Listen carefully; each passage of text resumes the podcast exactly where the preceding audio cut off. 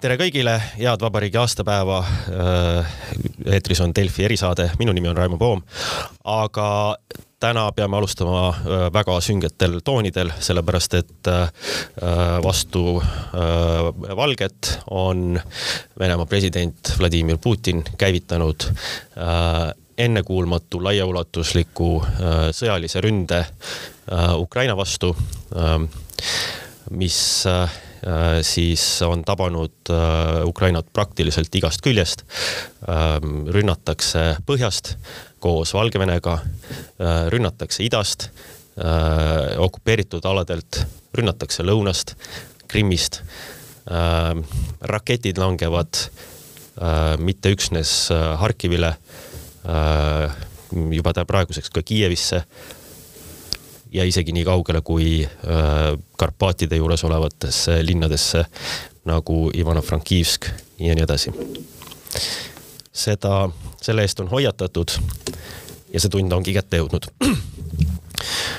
mul on äh, stuudios äh, Delfi Eesti Päevalehe arvamustoimetaja Krister Varis, tervist. ja telefoniliinil on äh, Eesti Ekspressi äh, välistoimetaja Indrek Lepik, tervist. tervist äh,. olukord on äh, niisugune, nagu ta on äh,. Ähm, ehk siis äh, käiku ongi läinud see stsenaarium, millest on räägitud, ehk siis äh, äh Putin on võtnud ette äh, laiaulatusliku suure ründe Ukraina vastu äh,, mis äh, mis oli see kõige hullem stsenaarium, millest räägiti Äh, millest hoiatati. Äh, mida siis Putin tahab? noh, tervet riiki ta enda kätte ilmselt ei saa, aga nii-öelda ida, ida poole, ida poole okupatsioon on ilmselt noh, selles selleks võivad ju väed olla piisavad, et me peame küll silmas pidama, et Ukrainas on umbes nelikümmend miljonit inimest ja ja mitusada tuhat inimest, kes on võit, võitlusvõimelised. Aga, aga noh, mm, sellele vaatamata on üsna selge, et kui nii-öelda ründekiirud tulevad, nad küllap suudavad kaitsest läbi murda. mida Putin tahab, noh ta ütles välja, riigi denatsifitseerimist, see toob põhimõtteliselt režiimi muutust ja, ja no sisuliselt mingi osa riigi okupatsiooni ilmselt. Indrek no kõige grotesksem on jah, tõepoolest see, et äh, natsi, natsiriiki Ukrainat äh, juhib siis äh, juudist president, et, et sellist nagu grotesksust on nagu raske ette kujutada, aga selles mõttes on Kristeril õigus jah, et kogu riik okupeerida on suhteliselt keeruline, kuivõrd Ukraina on ikkagi Euroopa kõige suurem riik, kui ma ei eksi pindalalt, et, et selles kontekstis tundub see vähemasti kahesaja tuhande mehega üpris saavutamatu eesmärk, aga kui me vaatame näiteks seda, kuhu peale on tulnud venelaste raketituli, siis ikkagi peamine eesmärk on olnud praegu eh, sõjaväetaristu hävitamine. Räägime eeskätt lennujaamadest, aga ka mingitest äh, vaheladudest ja muust äh, sellisest, kus võib olla näiteks, eks ole, siin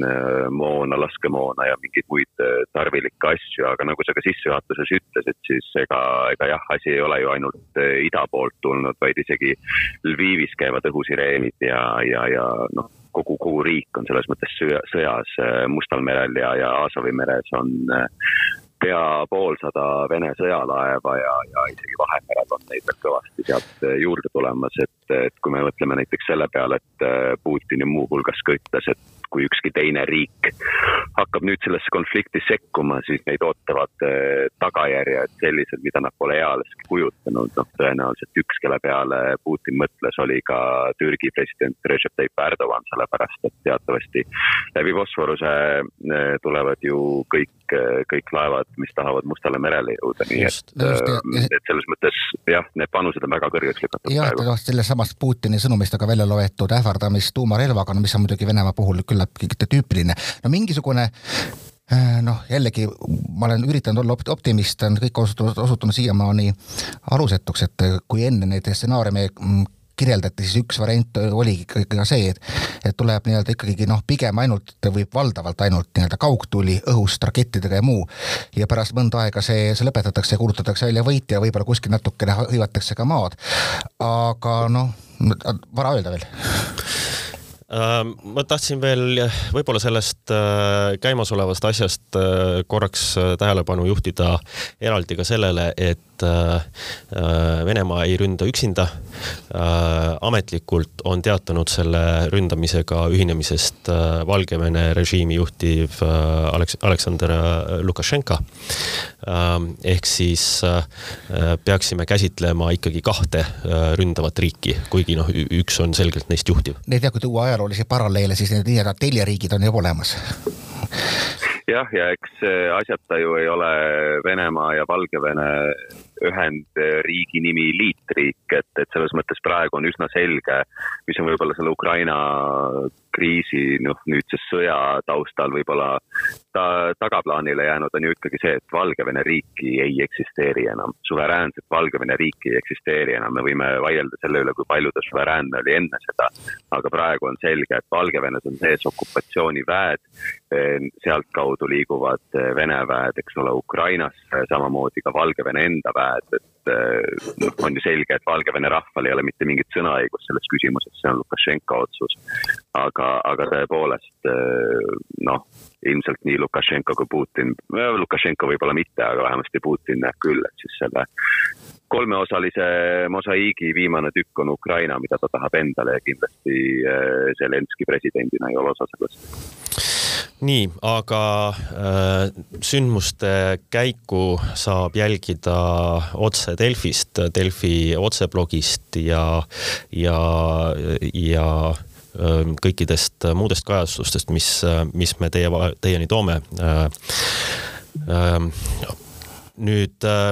ma tahaks tegelikult äh, vaadata hoopis seda edasi, et, äh, et mis on siin olnud nii Eesti kui maailma reaktsioonid, et Äh, kohe hommikul teatas Eesti valitsus, äh, et äh, soovitakse konsultatsioone NATO artikkel nelja järgi. Ähm, sama, samamoodi mm, teadsid sellest Läti, Leedu ja Poola. Ähm, mis, mis see tähendab, kui seda seletada, Indrek? noh, eeskätt artikkel nelja käivitamise eeldus, mis on mõistagi tunnetuslik, on see, kui NATO liikmesriik tunneb, et tema julgeolek on ohus. See on see nii-öelda kriteerium, mille alusel seda käivitada ja eks on ju selge, et kui NATO piiri ääres küll mitte NATO-sse kuuluva riigi, aga sellegipoolest NATO-le võiks öelda sõbraliku riigi territooriumil toimub sõda, sinna on sisse tungitud, siis on ju selge, et, et selle asjaga tuleb nagu märksa, märksa suuremas pildis äh, arvestada, et selles mõttes on need artikkel nelja diskussioonid igati olulised see tõstab sellist noh, ütleks teataval määral vähemasti äh, vaimses mõttes sellist kaitsevalmidust ja, ja, ja tekitab sellise noh, annab, annab nagu äh, tunnistust sellest, et tõepoolest on olemas kriis ja mitte, et siin peaks nüüd plusspunkte noppima, aga ma arvan, et taaskord on väga hea, et Eesti on olnud äh, nendes küsimustes eestvedaja, sellepärast et Ida-Euroopa julgeolek on ju eelkõige praegu see, mille üle me räägime, kui me räägime ka sellest artikkel neljast ja sellest ohutunnetusest, nii et, et jah see on nii-öelda, ma ütleks, et see on selline kõrgendatud kaitsevalmidus. ja, et seda ohutunnet ju jagavad ka meiega NATO-sse mittekuuluvad partnerid, et kaks päeva tagasi ka Soome välisminister viitas, et Putini tegevus viitab mingisugusele soovile nii-öelda noh, nii-öelda taastada Nõukogude Liitu või liikuda mingisuguse Nõukogude Liidu taastamise kontseptsiooni suunas, kuidas see täpselt kõlaski. ehk siis see noh. no see, see ei viita, ta on öelnud peaaegu, et, et see, seda ta soovib, kuna see on ajaloos kõige suurem äh, viga olnud. just nimelt ja Ukrainal pole õigust suveräänsusele niikuinii. ka seda aga äh, järjest on tulnud äh, maailma liidrite hukkamõiste, mitte üksnes Euroopast, seda on Ameerikast, isegi kaugemalt Austraaliast, Jaapanist ja nii edasi, et, et tundub tundub, et, et see nii-öelda hukkamõist on olemas, aga ähm, pigem on küsimus nüüd selles, et ja noh, me võime ka siin arutada enda julgeoleku äh, küsimust, aga, aga kuidas me saame siis äh, Ukrainat äh, nüüd aidata, mis on need sammud, mis tegelikult aitaksid Ukrainat, kus neid astuma peaks? mis need on? no veidikene keskpikas perspektiivis aitaks see noh, tõsiselt haiget tegemine Venemaale ja ma ei pea siin üldse silmas kõiki neid sanktsioone, mida on siiamaani arutatud, küll pangandus ja muu. See lööb eh, lihtinimeste pihta ja võib-olla lööb ka eliidi pihta, aga ta ei löö nende KGB seltskonnaga pihta, kes seda riiki juhivad. küll aga noh, kui ikkagi tahta päriselt, päriselt deklareerida Venemaa vaenlaseks, siis me peaksime minema kaugemale, kui me läksime külmas sõjas ehk mm, paneme silmad kinni ja lõikame läbi gaasi ja nafta transiidi, et Venemaa majandus jätkuvalt eh, koosneb vähemalt seitsmekümne protsendi ulatuses eh, loodusvarade, valdavalt siis nii-öelda süsi, süsi, süsivesinike müügist. et, et see, see oleks asi, mis oleks mõjus sanktsioon. ma ei ole kindel, kas me oleme seda valmis tegema. Ukraina puhul ehm, no mingid sõjaväeteoreetikud on öelnud, et, et ega selline nagu sissisõda oluliselt tugevama vaenlase vastu, ega ta kokkuvõttes on määratud pigem kaotamisele, kui ei ole tugevat välispoolset toetust. noh, toodud näitena kasvõi Afganistani, ehk siis ehm, sõjaliselt saab neid toetada jah, Kristeril on väga õige punkt just selle gaasi ja nafta tarnete osas, et kui me võtame siin gaasi, siis tõepoolest Euroopal on seda gaasi tarvis, aga ei tasu ju sellel ajal, samal ajal ära unustada, et ka Venemaal on tarvis seda müüa ja gaas teatavasti liigubki mööda neid eh, torujuhtmeid ja, ja ei ole päris nii lihtne, et ma siis müün kellelegi teisele, sellepärast et eh, eelkõige on Venemaal need eh, sidemed, need ühendused olemas just Euroopaga, et, et Hiina suunal on seda taristut püütud nagu välja ehitada ja Hiinaga on ka mingeid teatavaid tarnelepinguid, aga, aga need ei ole võrreldavad mahuliselt ja, ja ütleme, just ütleme, ütleme nagu kevade saabudes või noh, soojemate ilmade saabudes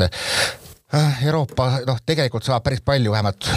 suveks ära katta ennast ka ikkagi selle veeldatud LNG gaasiga, et mitte küll, mitte küll paraku, küll paraku talvel, nii valmis me selleks ei ole. no see on jah, küsimus sellest, et kuidas selleks on valmistutud nüüd, et äh, siin on juba mitu kuud ka Eesti energeetikavolinik Kadri Simson selles suhtes mööda maailma ringi äh, käinud äh,. noh, ma, nii palju kui mina aru saan, näiteks äh, siin just äh, rääkides erinevate inimestega, siis noh, näiteks äh, Äh, on, on öeldud küll, et, et mis puudutab näiteks Eestit, Lätit, Leedut ja, ja Soomet, kes moodustavad niisuguse ühe, ühe gaasituru, äh, et äh, kui Venemaa paneks selle praegu kinni, siis me saaksime suurepäraselt hakkama, seda nii Läti Inčukalnsi varude kui ka Leedus Klaipedas asuva LNG terminali kasutades. Ja seda, no ma räägin mitte üksnes kolm Balti riiki, vaid ka Soome ähm,. jah, ja, ma samal ajal, ma lihtsalt lisaks, et ma siiski nagu äh, ei alahindaks äh, finantssanktsioonide äh, mõju, mida ma pean silmas, on just äh, nii see maksesüsteem SWIFT kui ka tegelikult äh, panganduses äh, ütleme noh, kõik piirangud finantseerimisele, et, et noh, siin on mõistagi see takistus, et kui me vaatame riike, kes on siin võib-olla ka nagu natukene tasasemad olnud, näiteks võib-olla Itaalia, eks ole. et, et tõesti neil riikidel on väga suured äh, pangandusalased huvid just äh, nii Valgevenes kui ka Venemaal ja, ja neil on olemas tegelikult praegu üleval nõudeid, eks ole, kümnetes miljardites Vene pankade suhtes, noh, eeskätt me räägime ju tegelikult nii-öelda sellest eh, dollarikaubandusest, et, et, et dollar on Ameerika välispoliitikas, sanktsioonipoliitikas erakordselt äh, tugev äh,, tugev nii-öelda meede, mida kasutada, et, et et tõesti, ta, sellega saab pihta lihtne venelane, sellega saab pihta ka oligarh ja tingimata ei saa pihta Kreml, aga, aga noh, ainuüksi seetõttu noh, ütleme, me oleme olukorras, kus tegelikult tuleb rakendada kõikidelt suundadelt äh, võimalikult äh, paljusid äh, sanktsioone. ja et ongi, et aga Venemaa läheb sellele konfliktile vastu väga suurte noh, nii-öelda reservidega, millest ainult viisteist protsenti on dollaritest, nad on kõik selleks valmistunud. aga eks neid reserve peab saama kasutada, ehk siis kui ikkagi ühtselt. kui sa seda kullahunnikut müüa ei saa, siis, siis ei ole sellest reservist mitte midagi kasu. täpselt, seda tahtsin, seda tahtsingi jõuda. aga selles mõttes peab ütlema, et, et et äh, Euroopa Liit mm, eile õhtul pani paika oma esimesed sanktsiooniringid, millest siin on räägitud seoses selle äh, kahe vabariigi tunnustamisega, nüüd me oleme sealt üle, aga kui te tähele panite, siis äh, Euroopa Liidu liidrid võib-olla, ma ütleks, omasid väga head informatsiooni sellest, mis, mis tulema hakkab, sellepärast et juba eile õhtul teatas ülemkogu eesistuja Jean Michel, et, et nüüd on on äh, vaja liidritel täna erakorraliselt Brüsselis koguneda, õhtul kell kaheksa peaks see äh, kohtumine algama ja seal on laual kõik needsamad küsimused, uued sanktsioonid, äh, Ukraina aitamine ja nii edasi. mis puudutab Euroopa Liidu poolt, siis noh, mulle tundub, et, et siin on ikkagi ka küsimus selles, et, et seda finantsabi on vaja mitme-mitme-mitmekordistada väga kiiresti Ukrainale, sellepärast et,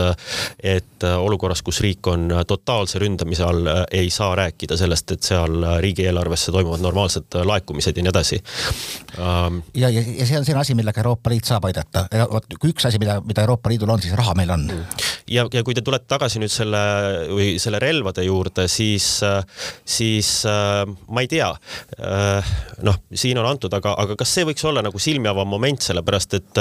näiteks eile teatas Soome, et kui Eesti tahab oma need vanad Saksa haubitsad sinna saata, siis nende poolest takistusi ei ole. Saksamaa valitsus on seda kinni pidanud, aga ma vaatasin täna hommikul on teinud Saksamaa rohelised, kes kuuluvad siis valitsusse, välisminister on nende esindaja seal teinud avalduse, et Saksamaa peab ümber mõtlema, Ukraina vajab kõik kogu abi enda kaitsmiseks, sealhulgas ka äh, kaitsmiseks vajavaid relvi äh,. kas, kas te, kas te näete, et see võiks nüüd olla see silmi avav moment, kus äh, me ei, ei poeta enam äh, jaanalinnuna äh, äh, siis äh, liiva alla peaga, et äh,, et rünnaku alla sattunud riik äh, saaks ennast kaitsta? no Saksamaa puhul ma olen üsna, üsna optimistlik, see Scholzi juba eilne avaldus, et või üleeilne siis, et, et Nord Stream kahe sertifitseerimine noh, peatatakse, oli samm, mida pigem ei oodatud, et oli oluliselt jõulisem, kui võis Saksamaad siiamaani oodata, et ma ausalt öeldes ma usun küll, et ma ei, ma ei näe praegu Saksamaa poolt mingisuguseid takistusi. ma olen natukene rohkem võib-olla mures mingite kõrvaliste tegurite pärast nagu, nagu Ameerika selline parteiline vastasseis. ma just eile vaatasin veel õhtul, kuidas oli käis arutelu Washingtonis, kus põhimõtteliselt mõlemad tahtsid sanktsioone demokraadid tahtsid, vabariiklased tahtsid, need oli, küsimus oli pigem see, et vabariiklased tahtsid, tahtsid rohkem, aga kokkuvõttes veel eile õhtul kongressist ei tulnud otsust, kuna nad olid üksteist blokeerinud. sellised, ja kui panna, panna sinna kõrvale veel Donald Trump, kes nimetas Venemaa samme geniaalseteks, siis noh, sealt võib tulla igasuguseid kummalisi asju veel. Indrek ja siin on üks osa ka see, et äh, me peame praegu aru andma, et kui me vaatame, kuhu on need äh, Venemaa raketid langenud, siis need on lennujaamade pihta, et me peame aru saama nüüd sellest, et neid relvi on sinna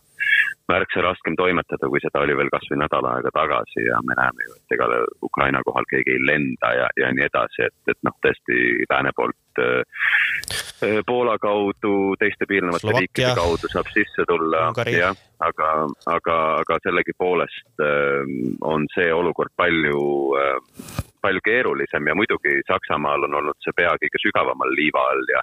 ja kui tahta näha selles olukorras praegu mingit niisugust valguskiirt, siis on ju selge, et viimnegi kui Euroopa riik on nüüd pidanud aru saama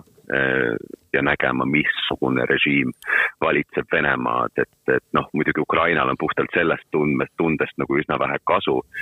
aga, aga, aga sellegipoolest vähemasti on see arusaamine lõpuks kohale jõudnud, noh tõesti, see ei ole isegi üheteistkümnes tund, kesköö on ammu üle tiksunud, aga, aga, aga sellegipoolest, aga jah, et keeruline osa on just nende puhtalt selle relva ja kogu selle abiga, et kuidas see ka päriselt efektiivselt ja kiiresti kohale viia, aga, aga jah, ma olen nõus Kristeliga, et Euroopa Liidul raha on ja ta peaks seda julgelt jagama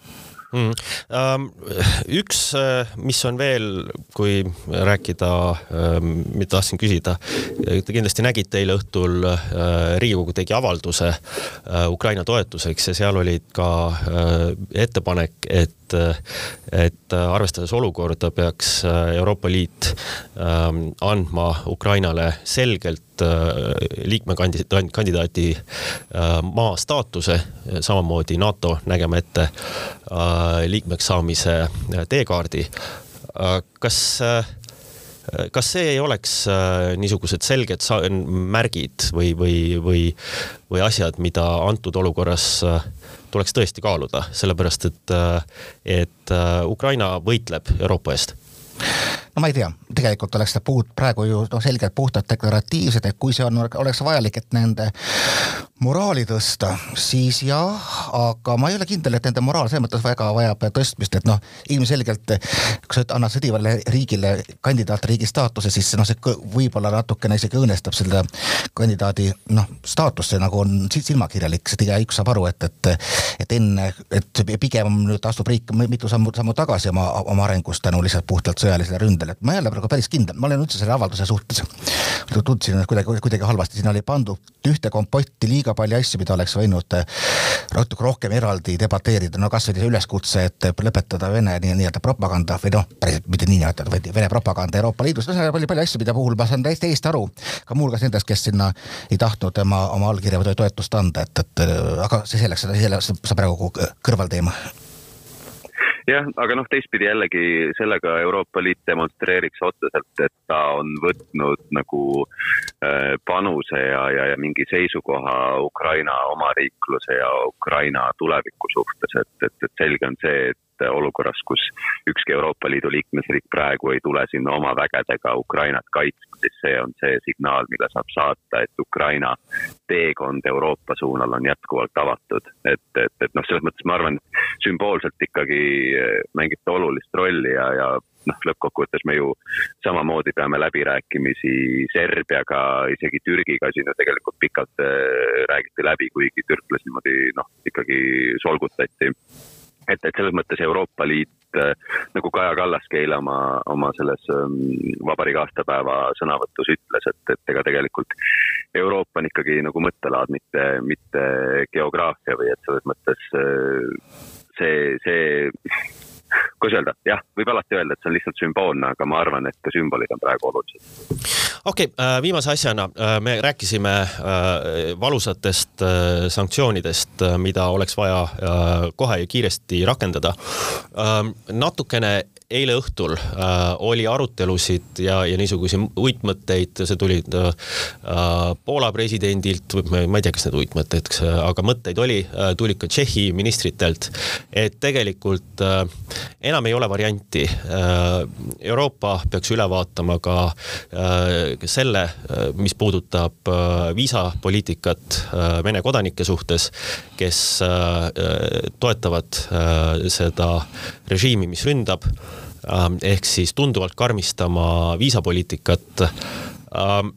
kas aeg on, kas aeg ei ole jõudnud sinnamaani, kus äh, tuleks öelda selgelt äh, igaühe äh,, iga Vene kodaniku asi on valida, kus poolel ta on. noh, selge. Me peaksime praegu, üks asi, kui me rääkisime siin deklaratsioonidest, me peaksime deklareerima, et antud hetkel Venemaa on vaenlane. Ja sellest lähtumine, sellest lähtudes tegema kõik ülejäänud sammud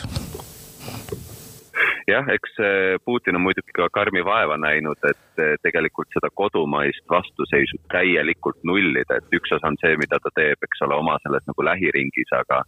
aga Navalnõi vaigistamine, kõigi nagu väiksemategi meeleavalduste laialilöömine, et, et selles mõttes on mõistetav, et ka need venelased, kes ei kiida heaks seda, mis praegu toimub ja kindlasti neid on, et eh, neilt nõuab erakordselt vaprust äh, välja tulla ja seda öelda ja, ja selge on ka see, et äh, nad peavad aru andma endale, kuidas see lõpeb nende jaoks äh, ikkagi repressioonidega, et, et noh muidugi sellises olukorras tuleb seisukoht võtta,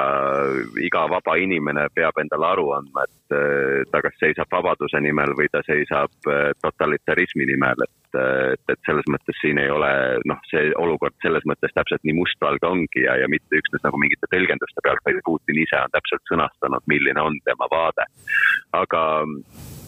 eks siin on alati see vastuolu, et nagu me rääkisime sanktsioonidegagi, siis viisavabadus või ütleme siis viisarežiim ja kogu, kogu muu osa, mis puudutab liikumist, et eks sellega saavad pihta ka need inimesed, kes ju otseselt ei vastuta selle eest, mis praegu toimunud on, aga aga kui me hakkame selliseid nagu erisusi tõmbama, siis lõppkokkuvõttes me saame ka aru, et Putini käes on kõik pantvangis ja, ja me ei saagi midagi teha, et, et selles mõttes sellise riigiga läbikäimine praegusel ajahetkel noh, tundub küll nagu meelesõgedus, et, et selles mõttes siin seetõttu tulebki igast võimalikust kanalist äh, hakata pitsitama, sest et on selge, et äh, on, on ka selge muidugi, et Putin on sellega arvestanud, Putin peab olema arvestanud sellega, et vähemalt paar kuudki on Venemaa täielik paaria. Äh, küsimus on lihtsalt selles, kas siis hakkavad mingid järeleandmised tulema ja ma arvan, et ka see on oluline, et me vaataksime seda asja juba praegu märksa pikemas perspektiivis, et, et need seisukohad, mida me praegu võtame ja need protsessid, mida me käima lükkame, et need hoiaksid tõepoolest senikaua, kuni olukord on päriselt muutunud, kuni Ukraina on päriselt vaba riik, suveräänne riik ja Venemaa vastutab oma tegude eest. ehk siis lisaks põgenikele Ukrainas, potentsiaalsetele põgenikele, peame olema valmis võtma vastu ka põgenikke Putini Venemaalt niisugust, tõele, jah. just, niisuguste mõtetega praegu tõmbame siin joone alla. Delfi erisaade vaatab olukorda jooksvalt ja läheb eetrisse tihedamini kui ja, ja sündmusi kajastades täpselt nii, nagu need juhtuvad. aitäh kuulamast